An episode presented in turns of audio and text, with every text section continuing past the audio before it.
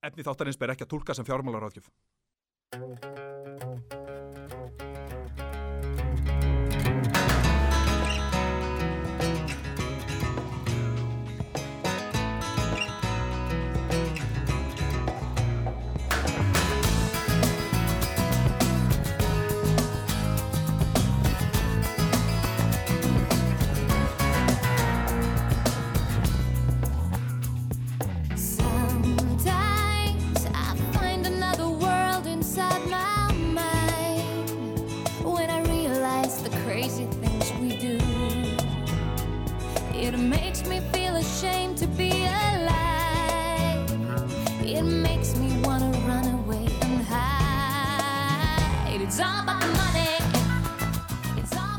Já, þau heyrðu rétt, it's all about the money. Það er komið að fjárfestingu skemmti þætti um uh, fjármálin. Í dag er 50 dagurinn 18. november og við erum hér uh, félagar að vanda Hákon Jóhannesson.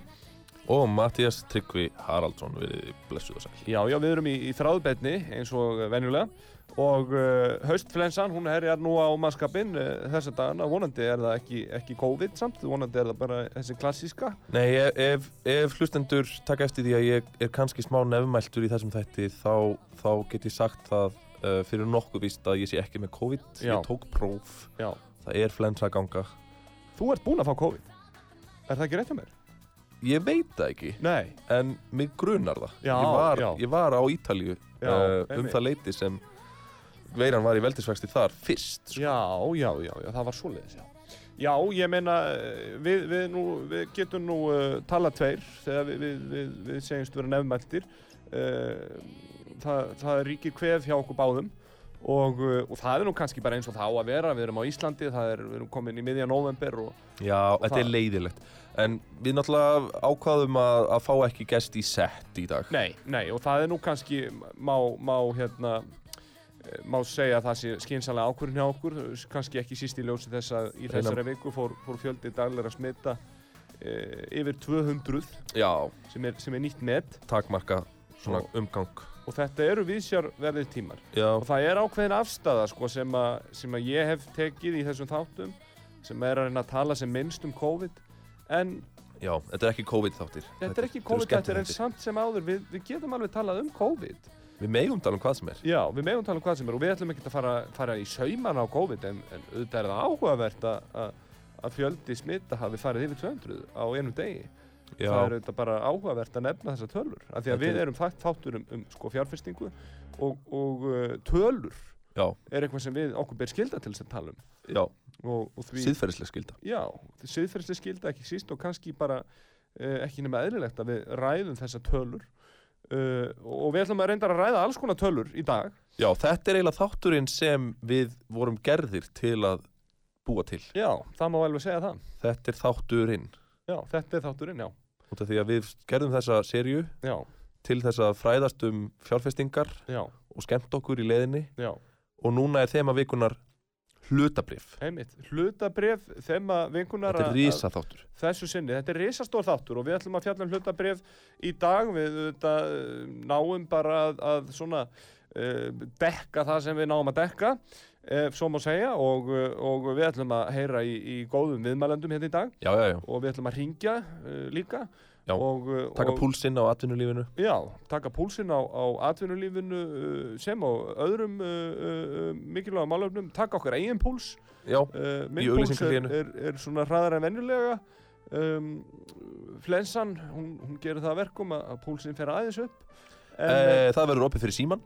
það verður opið fyrir síman og við ætlum að hafa síman bara galopin hjá okkur. Símin er að sjálfsögðu 5, 8, 8, 19, 94 Þetta er, uh, þetta er falleg, falleg, fallegt símanúmer hér á útvarpi sögu Já. og, uh, og við endur tökum það 5, 8, 8, 19, 94 Og þátturinn er í bóði Íslandssjóða. Já, Íslandsjóður hafa verið með okkur frá upphafið, þetta er þetta frábært fyrirtæki og eina vitið þegar kemur að því að, að, að fjárfæsti í hlutabrifum, það er ekki okkar orð, heldur er það, er það orð margra, margra góðra einstaklinga sem hafa, hafa lagt orð í belg eh, bara á förnum vegi, skulum við segja. Já, bara á leiðinni hingað í dag þá saði, saði kona þetta við mig. Já, Ég var að kaupa mér tyggjó í sjoppu já, og hún saði Hefur þú verslað við Íslandssjóði? já, Og ég saði já. já, Og hún saði já, ég mæli með því að þú ert að hugsa um hlutabrifa viðskipti. Þannig að þetta er ekki okkar orð, þetta er bara orðið á göttunni. Já, svo er Eh, þetta Macron eða okkur líka. Macron, uh, ef þú vilt fá uh, fatnað sem er bæði þægilegur og vel útlítandi, uh, þú vilt fara á mikilvægum fund en... en eh, Fagmannlegur vilt segjum fatnað sem er þægilegur á sama tíma því að það er ekki, það er ekki allur fagmannlegur fatnaður sem að uh, sem að svona tikkar í það box að geta verið þægilegur. Ég er búinn að vera mikið í Macron buksónum mínum Já, síðustu daga. já, Þær eru þægilegar. já og peysan er náttúrulega ekki síðri, vínrauða peysan, Nei, hún er frábær. eðalpeysan Já, eins og ég kalla það. Ég kalla hana líka eðalpeysuna. Nú, uh, fastir liðir uh, eru auðvitað á sínu stað hjá okkur eins og uh, venjan er og uh, ég held að okkur sé ekkert að vannbúnaði við ætlum bara að skella okkur beinustu leið í uh, viðskipta fyrirsagnir vikunar. Gjörðu þið svo vel. Viðskipta fyrirsagnir vikunar.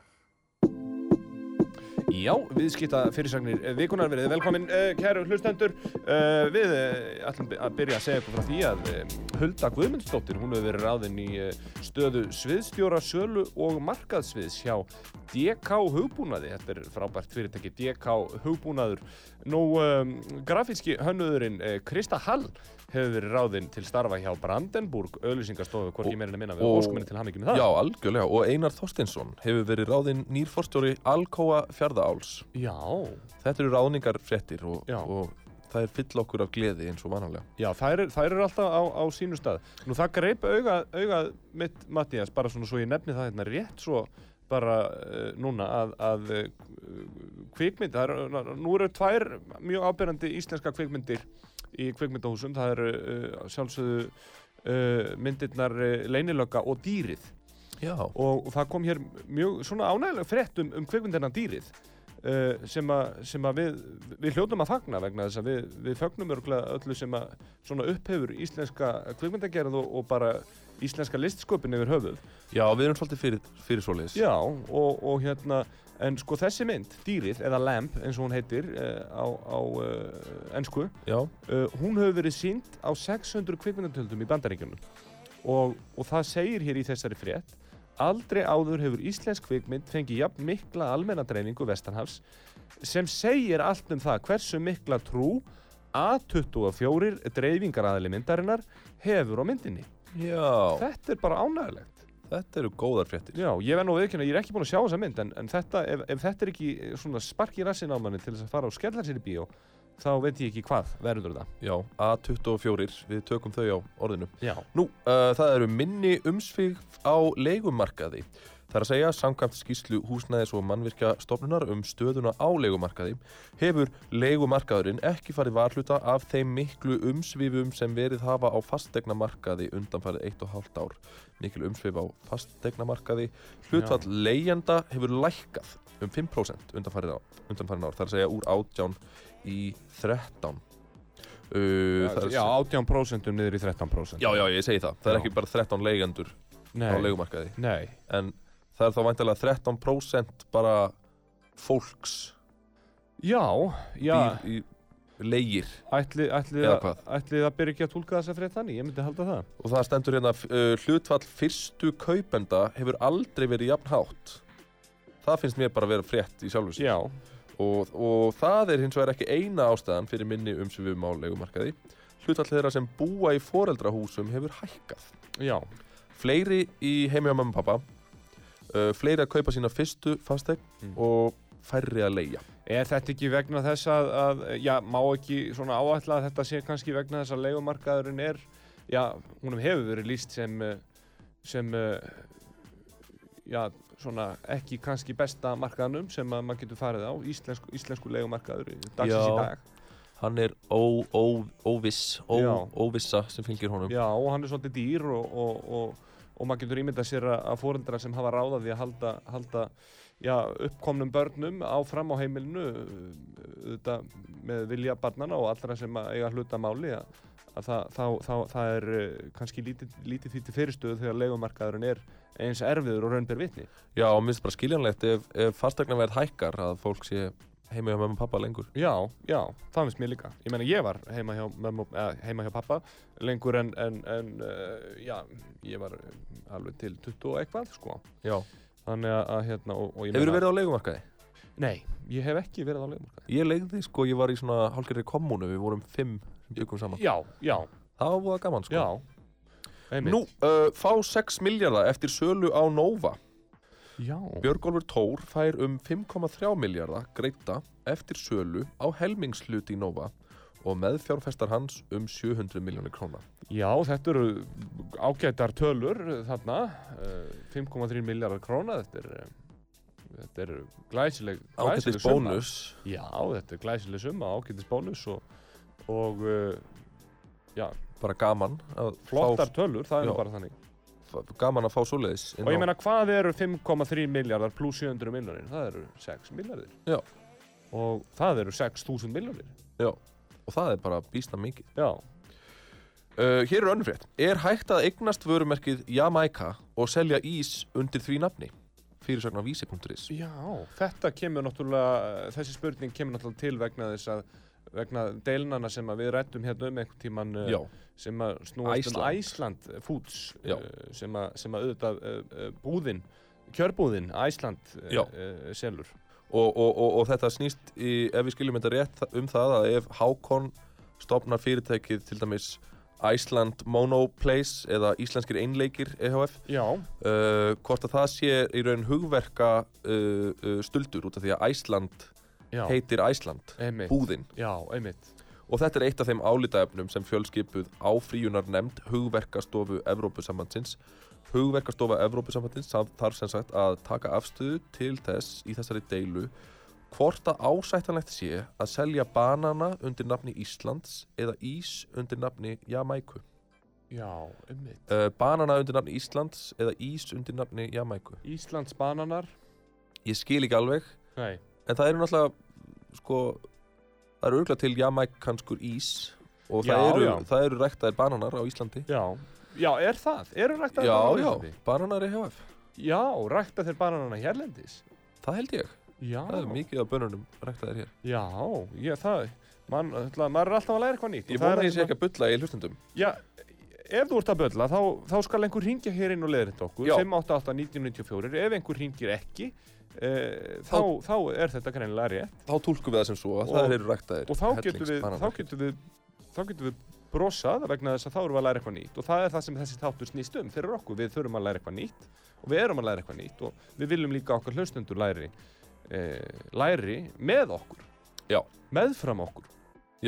og hlægi og brosi Já, Nú, uh, bankarnir og útgerðafélögin í methæðum, viðskiptablaðið skrifar Hlutabreyfaverð Kviku, Íslandsbanka, Síldarvinnslunar og Brims hefur aldrei verið hærra Bankarnir þrýr sem skráðir eru í kaupöllina hækkuðu allir um meir en 1% í gær fyrir gjöðu, nú, nú skulum bakka eins. Hvað þýðir þetta? Bankarnir og útgerðafélögin í meðtæðum. Já, þetta er bara, þetta er væntalega bara einhver blaðamaður hjá viðskiptablaðinu.is sem, sem, sem er að búa til fréttir um, um það sem er að gerast í viðskiptalífinu og hann, hann sér grænar tölur á, á hlutabreifamarkaði Já, og þema vikunar er náttúrulega hlutabreif Hlutabréf, já. Þetta er mjög viðegandi fyrir þannig að við erum að tala um það að hlutabrefa verð bankana Já, og útgerðarfélagana, já. hvað eru útgerðarfélögin? e, Síldarvinnslan og Brím til dæmis. Allt í lagi, og þau hafa aldrei verið herri. Það er að segja, allir sem hafa einhvern tíman keift hlutabrif í þessum félögum Já, eru þá væntalega í plús. Já, og þegar verð þeirra hefur aldrei verið herra já. En við þurfum kannski aðeins að komast uh, meira svona til boss í þessu. Já, og, Og- spjúkuleira í hlutabrifum bara. Já, við ætlum að heyra í, í góðum viðmælanda Mattias, er það ekki rétt um mér? Jú, það er hann Mógens hjá Íslandssjóðum, hann ætlar aðeins að, að spekuleira í þessu með okkur. E, ef hann er á línunni. Uh, ertu á línunni, Mógens? Sælir. Já, Já. sælir. Blessaður og sæl Mógens. Vertu velkominn eh, hér, uh, uh, þetta er rafræn heimsókn Mógens, uh, þú ert á línunni, við erum hér eh, í stúdíónu en þú ert að, að tala við okkur uh, einhver staðar annar staðar frá en við erum hér í, í, í fjárfestingu, skemmti þætti um, um fjármálin. Uh, við vorum að ræða þessa, þessa frétt, bankarnir og, og útgerðafélögin í, í methæðum, hlutabrifaverð mm. þessara félag hefur aldrei verið hærra, segir í, í viðskiptablaðinu. Uh, já, er þetta ekki bara uh, klár og bein vísbending um að, um að við séum að lifa góða tíma fyrir, fyrir hlutabrifaviðskipti eða, eða hvað? Hvað segir þú? Jú, heldur betur. Hérna, markaðurinn er náttúrulega bara búin að vera virkilega líflegur núna frá því að hérna, hann tók hérna, dífu í fyrstu bylgu COVID Já. þegar svona óvissan var hvað mest og, og, og fjárfestar svona vissi ekki alveg hvað var í framöndan Já, að þá tók þess að markaðurinn hérna hressilega dífu og hérna sem að leiðréttist svo mjög skjótt og Já. hérna og gangurinn í raun og veru í efnarslífinu hefur verið hérna bara virkilega sterkur. Náttúrulega neyslan svolítið að að flytjast heim það er náttúrulega fólk er að ferðast minna og hérna og er þarlegend ekki að, að eigða í útlöndum heldur meira heima. Þannig að gangurinn í rekstri fyrirtækina hérna heima hefur verið bara virkilega bara góður að mörgu leiti hjá Já. svona flestum félagunum. Og finnst þér svona verð á, á hlutabrefum og og þegar þú talar bara um sko efnahagslífið svona í heildsinni, er, er verð á hlutabrefum svona vísbendingum bara efnahagin í heildsinni? Ég hef aldrei alveg skilið þetta, þú veist. Uh, Já, það gefur í klálega einhverja vísbendingu. Auðvitað náttúrulega er hérna kaupöllin, hún endur spekla kannski allt efnaðarslíf, þetta er náttúrulega vissulega fá fyrirtæki og þetta eru hvað er yfirlega 20 fyrirtæki og hérna og kannski endur spekla kannski ekki alla gera samfélagsins en þau fyrirtæki sem eru stöðu kaupöllina hafa heittið verið að ganga bara virkilega vel og hérna Þannig að, að það hefur verið alveg full innist fyrir þessum hækkunum og þráttur að, að það er svona, já, vi- virðist brattar. Já, þú, þú, þú, seg, þú segir, já, þú segir 20 fyrirtæki hjá, hjá kaupöllinni. Er, er, er það þá rétt skilið að, að, að það eru 20 fyrirtæki sem eru skráð hjá kaupöllinni sem er hægt að Já, eiga í hlutabrefviðskiptu með eða hvað? Já, já, árið. já, ok, ég held að verði fleiri.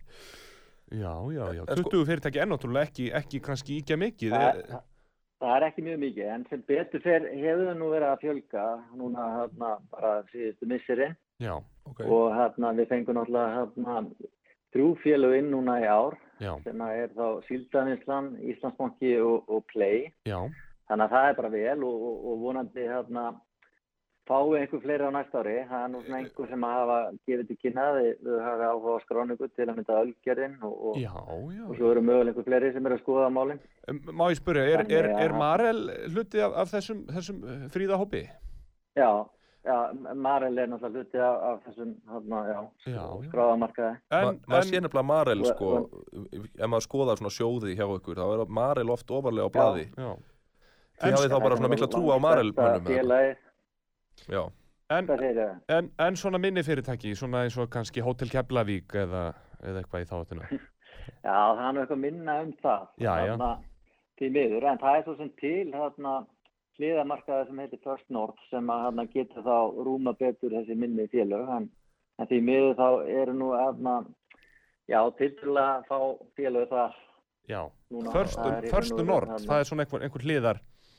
það eru Já, fleiri, það fleiri fyrirtæki. Það, Já, það, já. það er í raun og veru rýmri, eða svona ekki einn ströng skilir sem á þetta uppfylla til að vera skráður það. Já, Eh, nú, nú hérna bað góðvinnur þáttarins okkur sem verður með pistil Já. hérna á eftir og sem svona ingangi þennan pistil þá baðan okkur um að reyna að koma inn á, inn á hugtak sem mörgum, mörgum reynist svona erfitt að skilja og tengist hlutabrifum það er, það er þetta með að taka skort stöðu gegn einhverju fyrirtæki uh, Mhm. hvað hva, hérna, hvað er þetta að taka Hvað skort þýðir stöðu? það? Já, Já, þetta þýðir það að þú fær lánuð bref hjá einhverjum öðrum og Mm. selur þau inn á markaðin að þú hafir ekki eða inn á þetta fyrirtæki sem þú ert að fá lánuð bref í. segjum bara Marel, ég, ég Þarna fæ lánuð hlutabrif í Marel. Ég myndi fá bara lánuð bref hjá einhverjum bara stórun hluta í Marel til þess að selja þau á markaði selja þau bara og strax veðja á það að Já, en svona, þú, þú náttúrulega getur gert það á einhverjum tíma, þú getur gert það á einhverjum dögum þess vegna, en þarna, þetta er Ok. eftir magninu sem þú ert að að- að að skortselja, en þarna, já, þannig að þú selur þetta, þetta farið þetta lána, selur þetta með væntingar um það að brefin lækki Aha. og svo þarf þetta að skila brefunum og þá þarf þetta að kaupa þetta tilbaka á, á læra verði, þannig að Já. þú getur að hagnast á lækkuninni. einmitt, það er málið, já. Já, Þannig að þetta, þetta er Það svona, þetta, þetta hljómar í mínum erum svona eins og nokkuð áhættu, áhættu samur, uh, uh, uh, uh, áhættu sam uh, uh, yðja. Já, það má svo sem segja það. Þetta hana, getur alveg hana, snúist í höndunum á, á, á mönnum sem að fara í svona æfingar. Þannig Já, mm, já, já. eins og kemur kannski ljós setni í þættinum En, Já.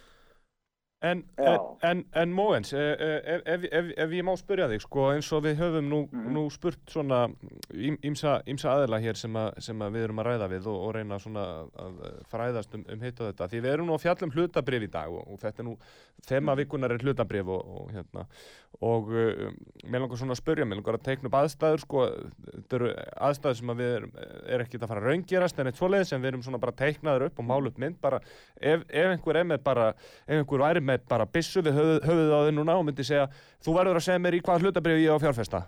Uh, annars, uh, annars teki ég ekki Hva, hvað myndur þú segja við þennan, eh, þennan berjálaða einstakling? Já, sko, hérna, ég hérna, myndi nú svo sem kannski ekkit mæla með sérstaklega einhverju einu brefi þannig laga, sko, það sem hefur náttúrulega verið að hérna, það ávægti sér mjög vel undarfarið og, og við teljum að geta alveg haldið áfram að, að gefa ágætlega. Að Það eru til dæmis bara eins og bankadir. Það var hérna, verið að hækka mjög vel og, ég held að Og þá- þá- þá segir hann- Banka og tryggingafélag, er, ha, og þá segir hann, hvað meinar bankarnir? Uh, Ertu að meina að ég er að skoða uh, hlutabrif sjóði sem að bankarnir er að stýra?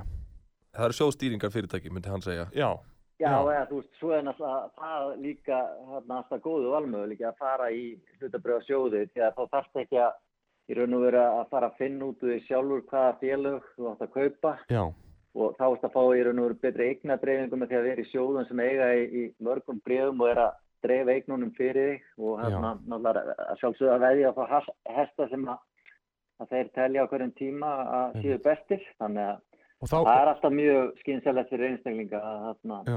Og þá, og þá segir hann bara, þá segir hann bara, hann, kemur, hann segir, ég meina loka spurningu fyrir því, segir hann. Hver, hvaða sjóður er það? Eða er bara eitt sjóður, hvaða sjóður er það?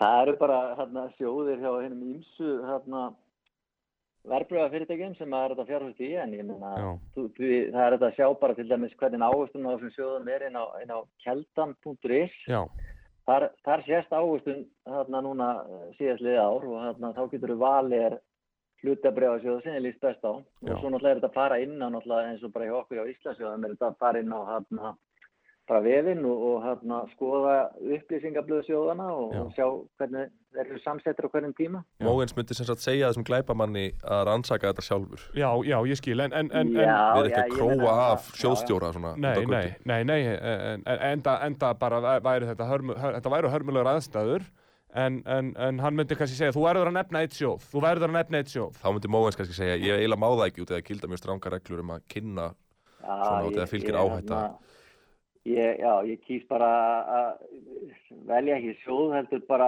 að segja viðkomandi að skoða þessa sjóði sjálfur og, hérna, og þá getur hann myndað sér skoðum bara, ég meina hvernig er áherslu búin að vera í þessum sjóðum undan fyrir ár og Já, þá getur við valið þér. Hmm. já, já, já, og þá myndi hann fara, fara að, fara heima að googla þetta bara. hann myndi taka byssuna niður og segja þakka þér fyrir þetta og ég ætla að fara að vinna heimavinnuna mína. Það, það- já, já, við, við erum með fjölmarka hérna, góða sjóði til dæmis sér hjá Íslandsjóðum. og- Já, Ein- Eins og við hákon þekkjum af, af eigin raun.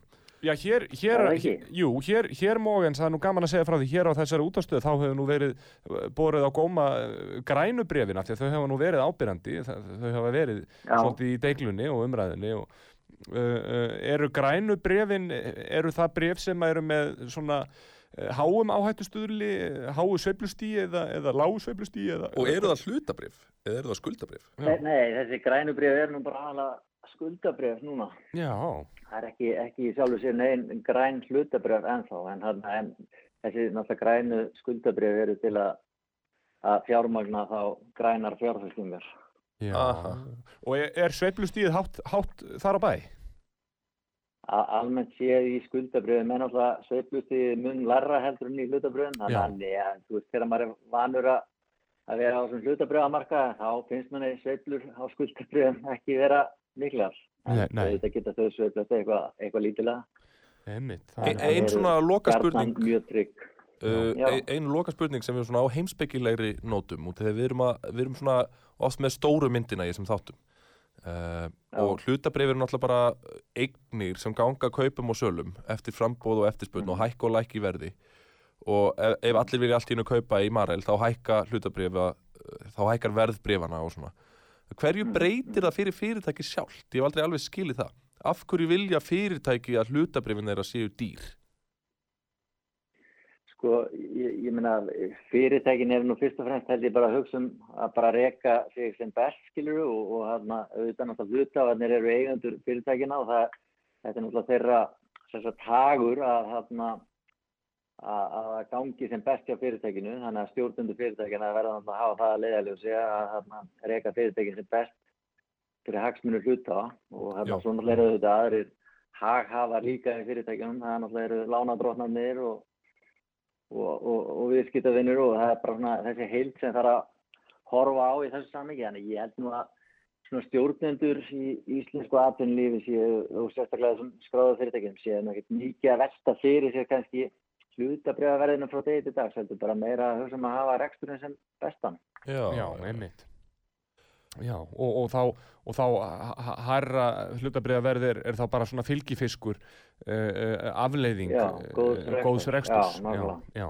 einmitt. Mógens uh, hjá Íslandsögum uh, þökkum þér kærlega fyrir uh, spjallið.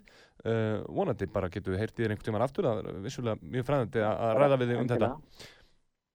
Já, bara frábært hmm. Þakka, þakka þér kærlega fyrir Mógens. takk fyrir Móens. Já, takk sem leiðis Já, Já. Uh, já, við heyrum þarna í Móens hjá Íslandsögum aldeilis áhugavert. Við ætlum að fá hér uh, eitt lag áður en við höldum áfram. Þetta er lagið uh, Seven Rings með Ariana Grande. Gjör það svo vel.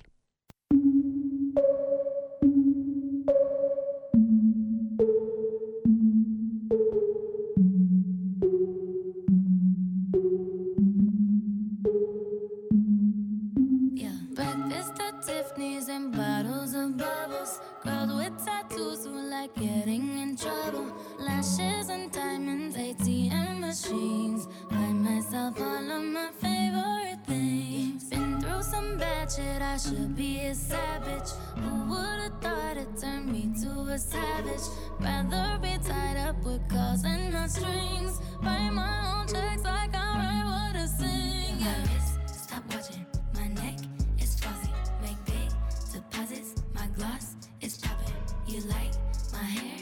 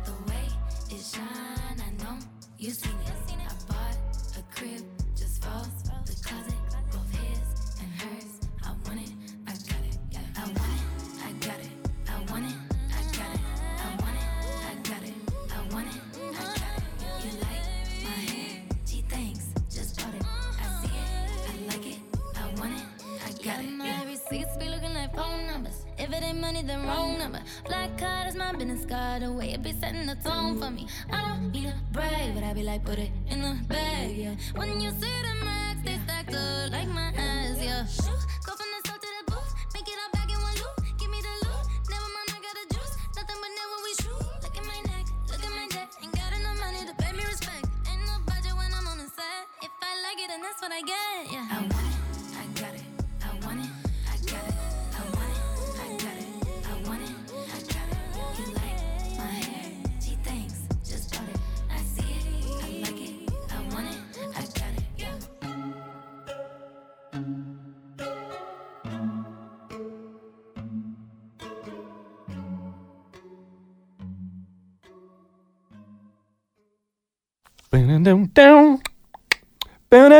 Íslandsjóðir sjóðstýring fjárfestu í sjóðum með appi. Íslandsjóðir.is Vantar þig samloku. Sómi er með ferska og ljúffenga visslubakka Sóma samlokur Láttu fagmenn fylgja þinni fastegn Fjárfesting fastegnasala Fjárfesting.is Láttu fagaðela sjá um þitt bókald Það er no brainer Brain, bókald og ráðgjöf. Látið tölfur og gögn sjá um tæknimálin hjá ykkar fyrirtæki. Þekking og reynsla t-og-g.is Vantar þig vinnu? Kíktu á alfreð.is og skoðaðu laus störf. alfreð.is Hágeða ítalst tískumerki, þægindi, fagmennska, hámarks árangur,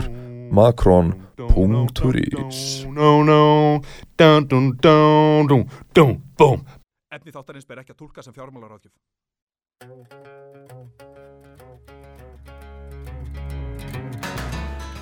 Já, fjárfesting skemmti þetta um fjármálinn, við erum ennþá hérna með ykkur, uh, já, við erum að ræða um hlutabrif í dag. Já, við áttum fróðlegt spjall við uh, Móens hjá Íslandssjóðum Já, og uh, hann gætt aldeilis uh, hjálpað okkur að fræðast og vonandi hjálpað ykkur líka hlustendur, uh, okkar kæru, diggu, góðu hlustendur. Við minnum á það að við erum auðvitað með opið fyrir síman 588 19 94 ef þið viljið leggja umræðinu lið. Nú, uh, við ætlum að halda áfram á sömu nótum, við erum að sjálfsögðu eins og áður segir að ræða uh, hlutabref. Uh, þess má geta að, að uh, þeir hjá Sóma voru mjög spenntir uh, fyrir, fyrir þessu að við skildum vera að ræða hlutabrif og, og þeir eru, já, af mér herðist mjög opnið fyrir því að, að, að, að svona riðja sér inn á, inn á þennan markað, þetta Ford-frækt fyrirtæki, Sómi. Já, og einn af styrtaræðalum okkar hér Já, já, sómi alls konar góðgæti. Það er svona slagur sem við byggum til hérna í þessum þætti. Sómi alls konar góðgæti. Eða er, Sómi, veislubakkar fyrir vini já, já, veislubakkar fyrir vinni og uh, auðvitað samlangurnar góðu og uh, allt uh, hitt sem að sómi hefur upp á að bjóða og hefur gert svo vel í öll þessi ár. Nú, uh, við ætlum að halda fram að fræðast um hlutabrefa, markaði og eitt sem vakti aðtekli okkar þegar við vorum að, að já, skoða þetta allt saman Já. var framtak uh, sem kallar sig Fortuna Invest Já, og þetta er til að fræða fólk um, um hlutabref og, og, og, og markaði og, og, og fjárfestingar og, og til að stuðla svona auknum fjölbreytileika í, í þessari umræði allri og við ætlum að ringja hana Kristíni Hildi hjá Fortuna Invest hún getur kannski sagt okkur aðeins meira um þetta. Ertu á línunni Kristín? Já, hæ hæ. Já, kontur nú sælublesu Kristín, verður velkomin hér í, í, í, á, á rafrænan máta í þennan þátt, fjárfestingu uh, skemmti þátt um uh, fjármálin. Já, takk fyrir. Takk fyrir, takk fyrir að ringja mig. Já, bara það, það er ósköp lítið. Já, við viljum uh, svona aðeins, aðeins uh, fræðast uh, uh, Kristín Hildur og vonandi fræða hlustendur í, leiðinni. Vi, við spyrjum einfallega þar sem þú, þú ert hjá Fortuna Invest. Hvað, hvað er Fortuna Invest?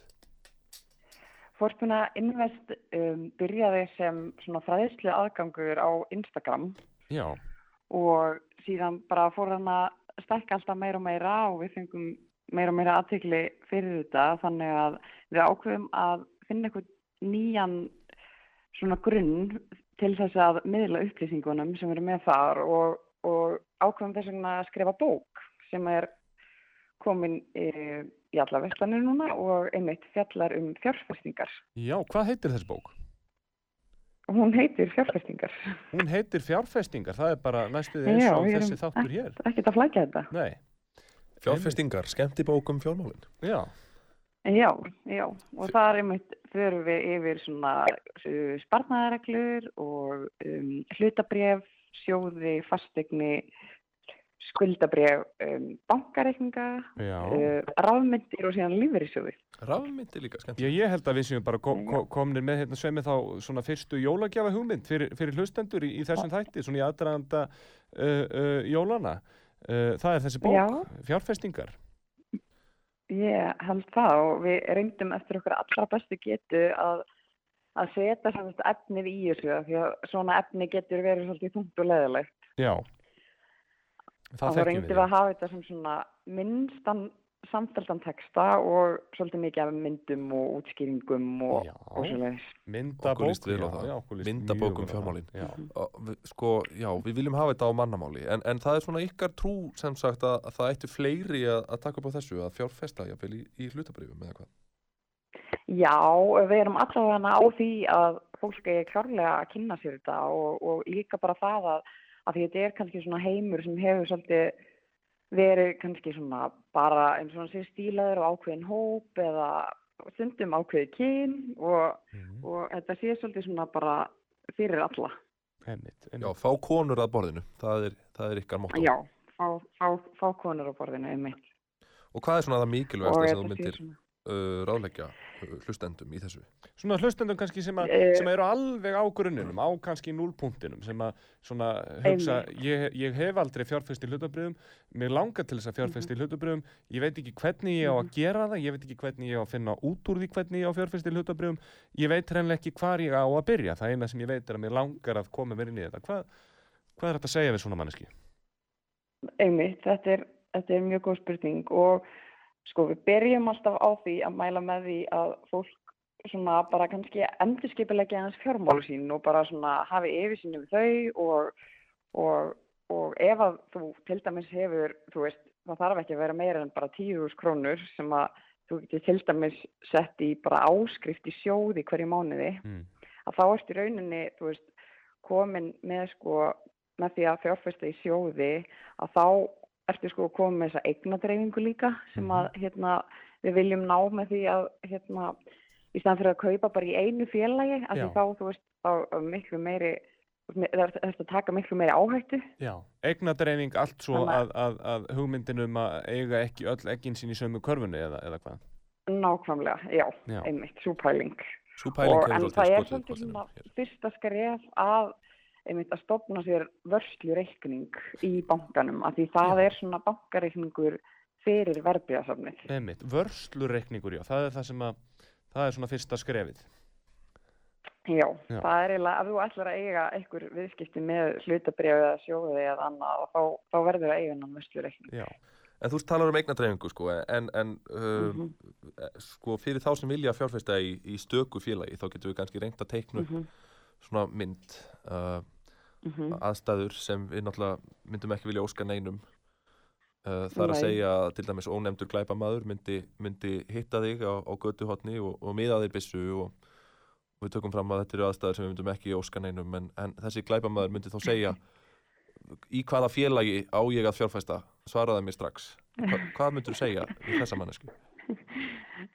Sko, við þessa mannesku, þá myndi ég segja að uh, í fyrsta lagi að ég væri ekki fjárfestingaráðgjafi, en ég myndi síðan segja að um, ef að þú hefur trú á fyrirtækinu og þú hefur trú á því að það sé bara ekki að fara á hausinn á næstu árum og bara hefur trú á að eigi eftir að vaksa og ge- getur kynntir svona gildi fyrirtækisins og út frá því kannski svona að fara að lesa meiri fréttir um það og þess aftar að Og- þá ertu allan að komin svona, sko, fyrsta skrif er allan að hafa áhuga á fyrirtækinu Já. og, og að hafa trú á því þannig og, og hann, það er svona hann, fyrsta sem þú að leita hann myndi kannski segja í, í kjálfara þessu, hvaða, hvaða fyrirtæki hefur þú, þú trú á, Kristín?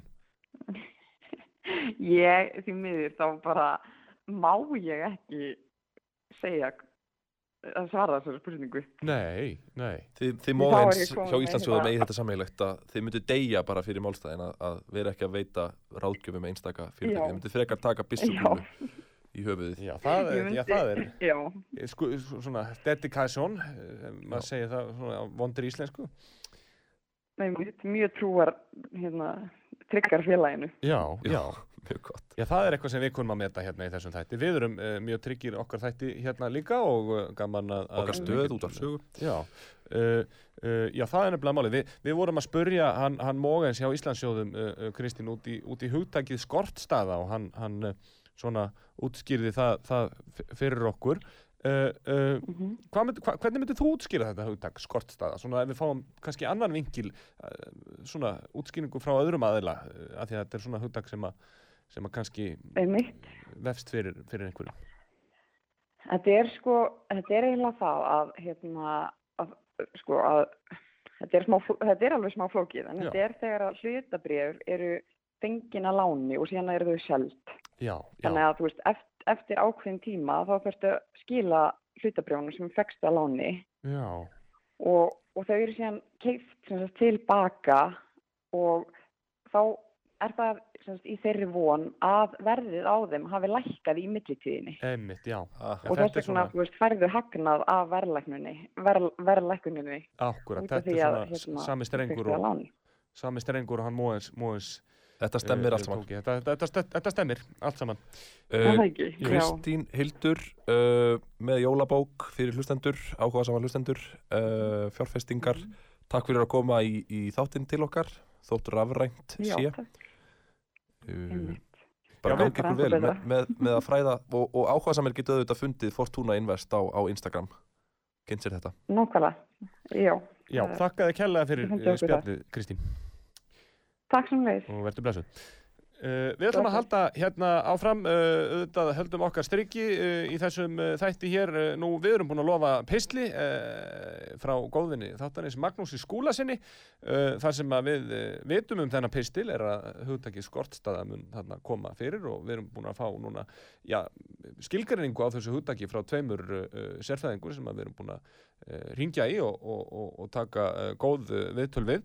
Þannig að uh, höfum það í huga og ég byrði ykkur um að hafa það í huga, kæru hlustendur, skortstaða, þetta er hugtak sem kemur fyrir í þessum pistli ásamt öðru en okkur er ekkert að vannbúnaði hér, við ætlum bara að fá að heyra þennan pistil frá Magnúsi skúla sinni, gjör þið svo vel. 18. november árið 2021 Reykjavík um ævintýralegan vöxt fyrirtækisins GameStop og hugsanlegar túlkanir á sveiflum verðbrefa þar að lútandi. Magnús Skúlásson kandidatus magisteri. Þann 8. desember árið 2020 virðist allt vera á niðurleið hjá bandarísku tölvuleikja búðinni GameStop. Fyrirtækið byrti tölur um þriðja ársfjórðung sem voru til að gera langarsögustutta rauðar og félagið mátti muna sinn fífil feguri. Um mánuði síðar tilkynir fyrirtækið um nýskipaða stjórnendur og bóðar spennandi tíma. Sumir töldu eflust að GameStop menn væru að klóra í bakkan en fréttir af þessum hrókeringum fenguðu aðtikli netverja á vefsíðunni Reddit. Netverja sem eru áhugamenn um hlutabriðaviskiti og kalla sig því lýsandi nafni Wall Street Bets. Eitt slíkur netverji kallar sig Deep Fucking Value á spjallsíðum Reddit og vilja sumur meina að hann sé líkil maður í GameStop ævintýrinu. Nú fara áhugamenn að kaupa hlutabrif í GameStop. Sumir í þeirri trúað félagið sé oflátt metið. Aðrir vegna þess að þeim finnst að fyndið og gengi brefana hækkar. Þessi mikli áhugi á brefum félagsins var í fyrstu afskrifaður af starri leikmönnum sem margir hverjir höfðu tekið eh, skortstöðu gegn GameStop. Skortstaða er í stuttumáli að veðja gegn félagi á borð við GameStop í þeirri trú að bref félagsins séu of hátt verðlögð og í þeirri von að hagnast á væntanlegu hrunni verðsins. Elon Musk nokkur sem margir þekkja sem forsvarsmann Tesla-bílana var hins vegar glettin í garð þessara framtags netverja og tjáði þeim stuðning sinn á Twitter með þessu eina orði Game Stonk En þann dag í dag eru fræðumenn ekki á einu máli um nákvæma merkingu þess að skrifa Game Stonk á Twitter en það er annur saga. En fleiri fjárfestar ákvaðu síðan meir að hoppa um borð í GameStop lestina og þann 27. og 27. januar hækkaði verð brefana um korki meira nefnina en 140%. Citrón Capital og Melvin Capital voru meðal þeirra fjárfestingasjóða sem höfðu tekið skortstöðu gegn GameStop. Þessi gífurlegi áhugi á GameStop og hækkun á verði hlutabrjána var þyrnir í augum þessara sjóða sem neittust til að loka skortstöðu sinni með umtalsverðu tapi sem enn reynist vatn á millur hlutabrjána. Verðsveiflurnar voru ævintýralegar. Segjum sem svo að fjárfestir hafi kæft hlutabrif í GameStop snemma ár 2020 fyrir 5 dollara og selt á hátindi GameStop bólunar. Slíkur fjárfestir hefði 68 falda þá upphæð sem fjárfest var fyrir. En afdrifin eru þá öllu óljósari. er GameStop æfintýrið dæmi, dæmi um sigur lillamannsins gegn stóru strákonum. Það má kannski líka þessu við sigur Davíðs gegn Goliath úr biblíusögunum. Eða er þetta kannski bara staðfesting þess sem margan grunaði að markaðir eru óvissar út í gegn og ekki ósynbar spilavísi eða er þetta eitt stór barandari? Það skal nú ósagt látið. Þetta er Magnús Skúlason sem talar fyrir útarpsögun.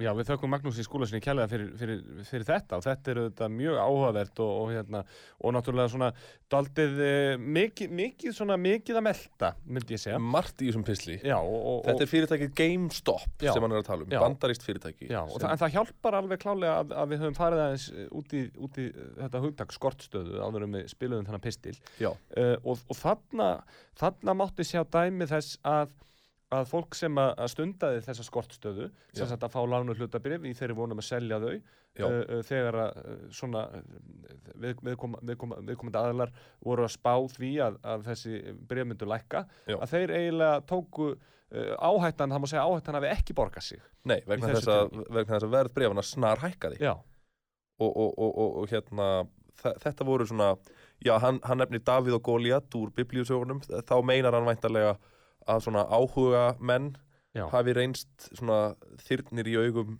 stóra, lík, svona stó, stóra leikmanna, þessi Já. sjóðir og, og, og bara svona komið af stað einhverju, einhverju æði sem, rey, sem reyndist kostnaðsamt fyrir þessa sjóði. já, einmitt og, og, og uh, uh, þetta hefur örugglega verið verið ansi, ansi svona erfitt að kingja fyrir, fyrir þá sem að stunduðu þessa skortstöðu ef að, ef að svo má orðið komast stund, ef maður stund, stundar maður skortstöðu Já, að maður tekur skortstöðu. já, maður tekur skortstöðu já. Það ekki?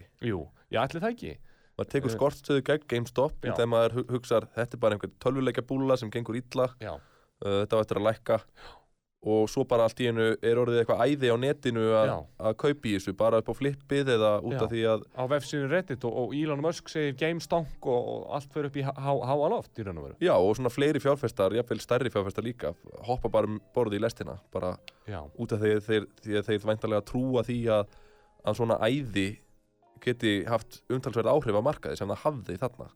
Er, við höfum talað um hugtakið sko meme stocks já, já Eða jarm jarm hlutabréf.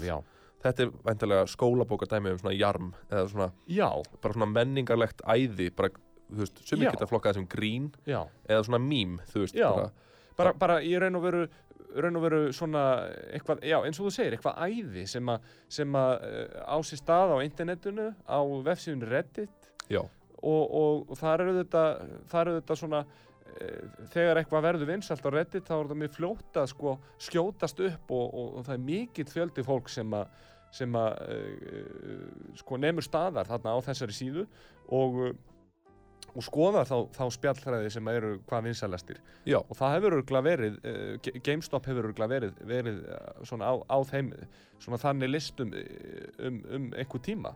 Já og, og það er áhugavert að þetta sé sko GameStop, þetta er tölvuleikja fyrirtæki já, og þetta er Reddit sem við erum að tala um þetta svona, þeir finnst vantilega þeir bera kannski tilfinningar til já, þessa fyrirtækis einmitt og, þetta, og bara þetta þess helst svolítið í hendur þetta er svolítið svona á sömu slóðum kannski GameStop og Reddit, þetta svona fellur svolítið vel. Maður getur séð eitthvað sniðmengi fyrir sér. Já, maður getur séð einhvern félagskap þarna já, þetta. já, kannski eru margir á þessari spjallsíðu Reddit hafa vestlað við GameStop í æsku keift og selt tölvuleiki. En sko, svo má kannski líka þessu við að þegar Reddit menn fara að kaupa í þessu þá kannski hækkar verðið aðeins og þá eru einhverjir bara sem er að sísla með hlutabrif í vinnunni já, sjá einhverja hækkun og bara hoppa um borð já, bara, ok, þá er bara komið alls konar lið. Svo kemur eitthvað Twitter frá, frá Elon Musk og fleirum og, og þá heldur snjóboltinn áfram og og margföldunar áhrifin eru náttúrulega gífurleg.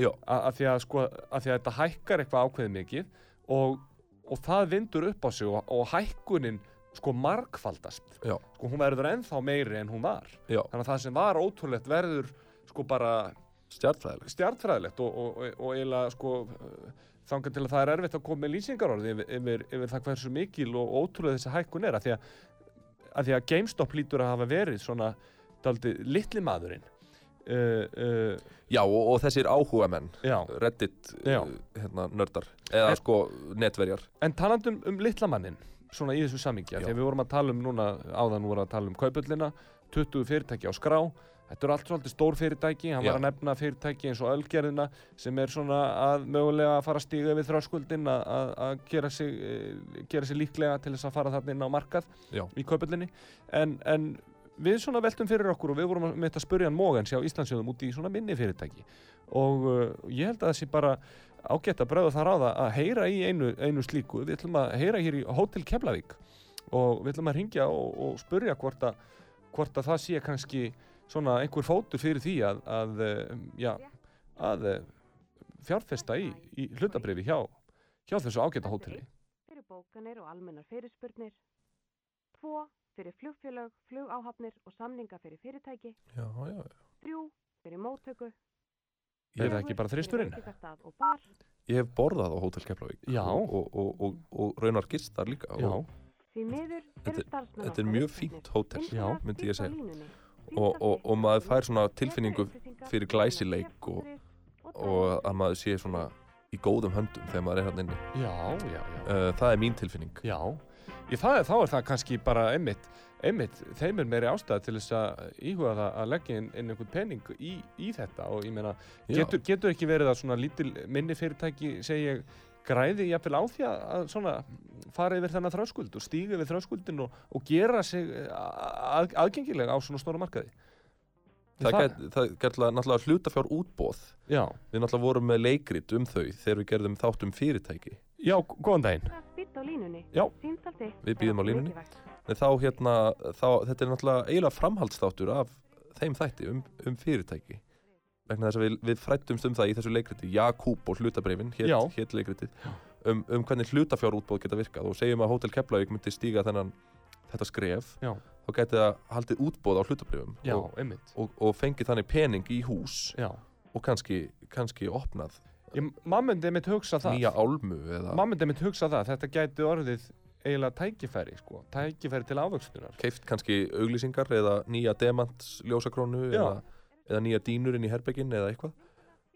Já, eða, eða hérna, já, eitthvað, eitthvað því um líkt, stækka barinn, uh, uh, Já, hafa meira úrval í, í, í eldhúsinu, já, ráða fleiri kokka, ráða betri kokka, Já. uh, launahekkanir á línuna bara. já, hvað eina sem hægt er að láta sér detti í hug þegar að, þegar að fyrirtæki svona, já, taka, hvað var að segja, uh, skref upp tröppur uh, og, og það er það sem við viljum auðvitað sjá og það, og það er kannski það sem gerðist svolítið með GameStop þarna, er, að- er að fólk, fólk hafði gaman að því að sjá uh, lítið fyrirtæki taka stórt skref upp stóra tröppu Já, og náði.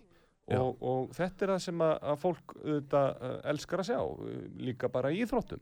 Uh, við viljum sjá litlamannin, við viljum sjá uh, uh, Davíð og Góliat já, einmitt. við svo Magnús Skúlason okkar ágætti pislahundur kom inn á. Við vorum náttúrulega að spjalla við Móens um þetta sko, að kannski þeir sem eru að reka fyrirtæki dagstallega er ekkert endilega að spá í verði brefana þannig. Eða Nei. sko þau náttúrulega bara ganga kaupum og sölum eh, en sko eh, mér þætti forvindilegt að vita hve- hversu hvaða áhrif þetta hafði á reksturinn. Já, já, einmitt. Þetta var náttúrulega fréttamál og hefur vantilega vakið að ég veist ekki hvað GameStop var fyrir en þetta kom í fréttir einhvern tíman Já. þannig að það menn, eitt og sér ætti flestir ekki, flestir sem að vita hvað GameStop er í dag hlýtur að vera út af einmitt þessu. Já, út af þessum uppgangi, út af þessari sveiflu sem átti sér stað. Já, og út af þessari umræðu sem að, að skautat um kollinum. Já. Menna, það hlýtur bara að vera. Fyrsta skipti sem ég heyrði um GameStop það var einmitt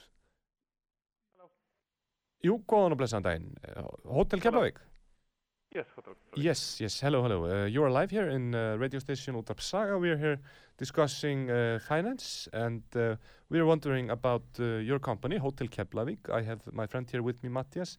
He was uh, staying in your hotel. He was very pleased with the, with the service. Matthias, that's right? Uh, yes, and the restaurant was excellent. Thank you, thank you. Yes. So, so uh, I have a very, very pleased customer here with me. Uh, we are wondering uh, uh, with uh, this uh, hotel um, uh, and and and the possibility of this hotel to uh, become, uh, you know, uh, uh, uh, available on the stock market. So uh, you would be able to buy stocks in Hotel Keflavik. Is that something that uh, you can see uh, happening in, uh, well, next few years or, or something like that?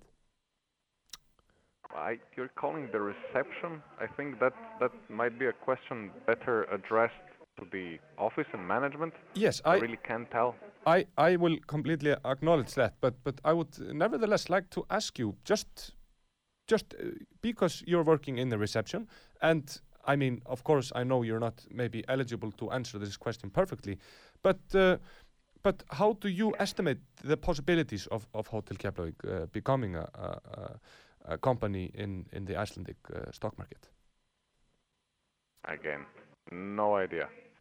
Okay, okay. But uh, uh, uh, um, if it were to to to take a, a footstep in this in this uh, uh, uh, economy uh, environment here in Iceland, uh, uh, is this uh, something that you, as a, as an employee there, uh, would uh, consider uh, to to uh, invest in? Would you consider investing in in in the in your workplace, Hotel Keflavik? Certainly. Yes, yes. And I invest my time in it. yeah, yes, you invest your time in it, of course. Exactly. Um, um, uh, uh, well, uh, Matthias, you were describing the hotel uh, for me earlier uh, Yeah. in the in the show. Uh, what you were you were saying about uh, your experience in this hotel? Uh, you were talking about what the restaurant? No. Yeah, it's a good restaurant and Yeah. the feel is very grand Yeah. and you feel like you're in good hands when you're at Hotel Keflavik. Yeah. Uh, w- would you agree uh, with this statement? Most definitely. Yes. And and we were also wondering, like, if this company were to be in the stock market and if it would go well, I mean, that would maybe give this company some possibilities of making things bigger and even better than they are now. Wha can you say something about that? Well, uh, from, from my point of view, things are quite okay, Yeah. but uh, I don't know if I would change anything. No, no. Maybe, maybe uh, uh, that's that's a, very very good thing, thing, a very good call because uh, uh, some some uh, people might even say uh, if it ain't broken, don't fix it. Is that something that you you're you're referring to? I think so. It's not broken. Yeah. So so yeah. So it's not broken. So so why fix it? Uh, uh, well, that's uh, these are very good words from you. We thank you very much for your time uh, today, and uh, well, I hope that uh, you will continue doing a fantastic job there in uh, Keflavík. Thank you so much. Thank you very much. Good Okay, goodbye. Uh, já, þetta herðum við í uh, starfsmanni hjá Hotel uh, Keflavík. Hann vill ekkert, hann er ekkert mjög spenntur fyrir því að fá þetta á hlutabrjámarkað. Nei, nei, hann, var- hann var hansi sáttur í eigin skinni virtist vera, gagvart, uh, gagvart þessu hótel og gagvart sínu vinnustad sem er auðvitað mjög ánægilegt að heyra. Og spurður, sko, mundur þú fjárfesta í tínum vinnustad? Já, Þá sagði hann einfallega, tja, já, ég er fjárfest í mínum tíma. já, Hér? já, já, Það er, er, til, er til meira af mér mælst. já, einmitt. Þar, þar má kannski segja að hann hafi hitt, hitt naglan á, á höfuðið. Já, maður, ma, það, ma, það, hann hugsar um fjárfestingu sem, sko, það að mæti vinnuna og sinna móttökunni þarna Já, er fjárfesting í sjálfu sér, já, sem ég fannst alltaf fallegt. einmitt. Ég held að það væri kannski vel við hæfið bara að enda þetta hjá okkur í dag. Það fer alveg að koma að lókum hjá okkur að enda þetta á lægi sem að, sem að svona, já, það er hægt að hlusta á þetta lag og, og hugsa þá um svona uppgang hinn að ymsu fyrirtækja. Það hugsa um lillamannin sem, hugsa um sem litla getur mannin stækkað. sem, að- sem að byrja á núlpunkti en uh, stækka og uh, já, koma sér í aðbara stöðu, kannski rétt eins og GameStop og, og Hotel Keflavík af, af því það virtist. Já. Uh, þetta er uh, lagið Started from the Bottom með uh, tónlistamærinum Drake. Við verðum á sama staði í næstu viku. Við verum hér uh, að vikuleginni og uh, mjög ánægilegt að vera með ykkur í, dag kæru hlustendur við hlökkum til að, að vera með ykkur aftur eftir viku Fjallum, fjallum ný þemu, ný málefni. Já, fariði vel með ykkur þangað til næst og við segjum verið þið sæl, hér er started from the bottom. Verið sæl, verið bless, verið bless.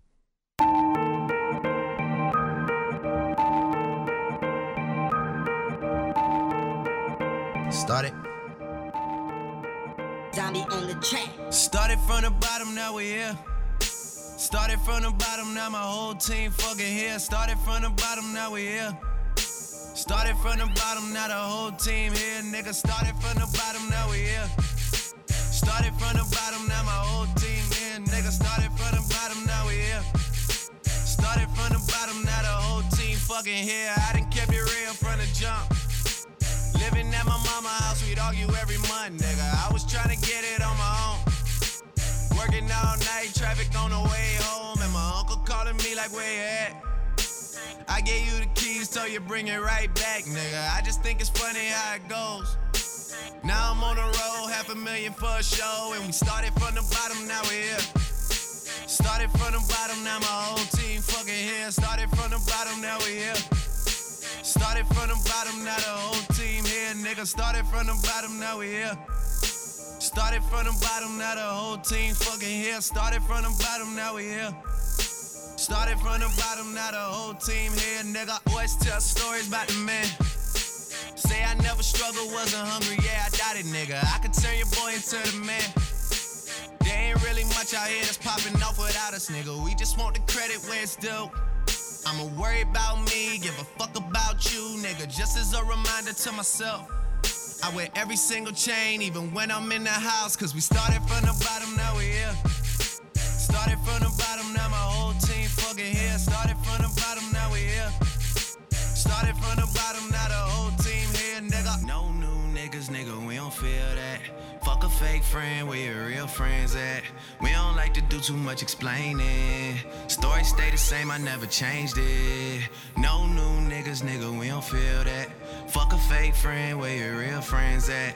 We don't like to do too much explaining. Story stay the same through the money and the fame. Cause we started from the bottom, now we here.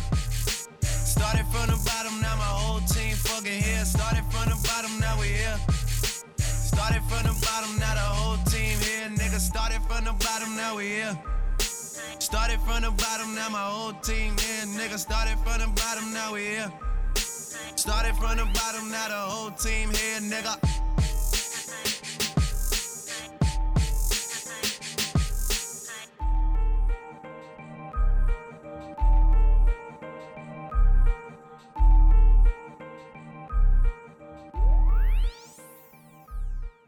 Í næsta þætti af fjárfestingu.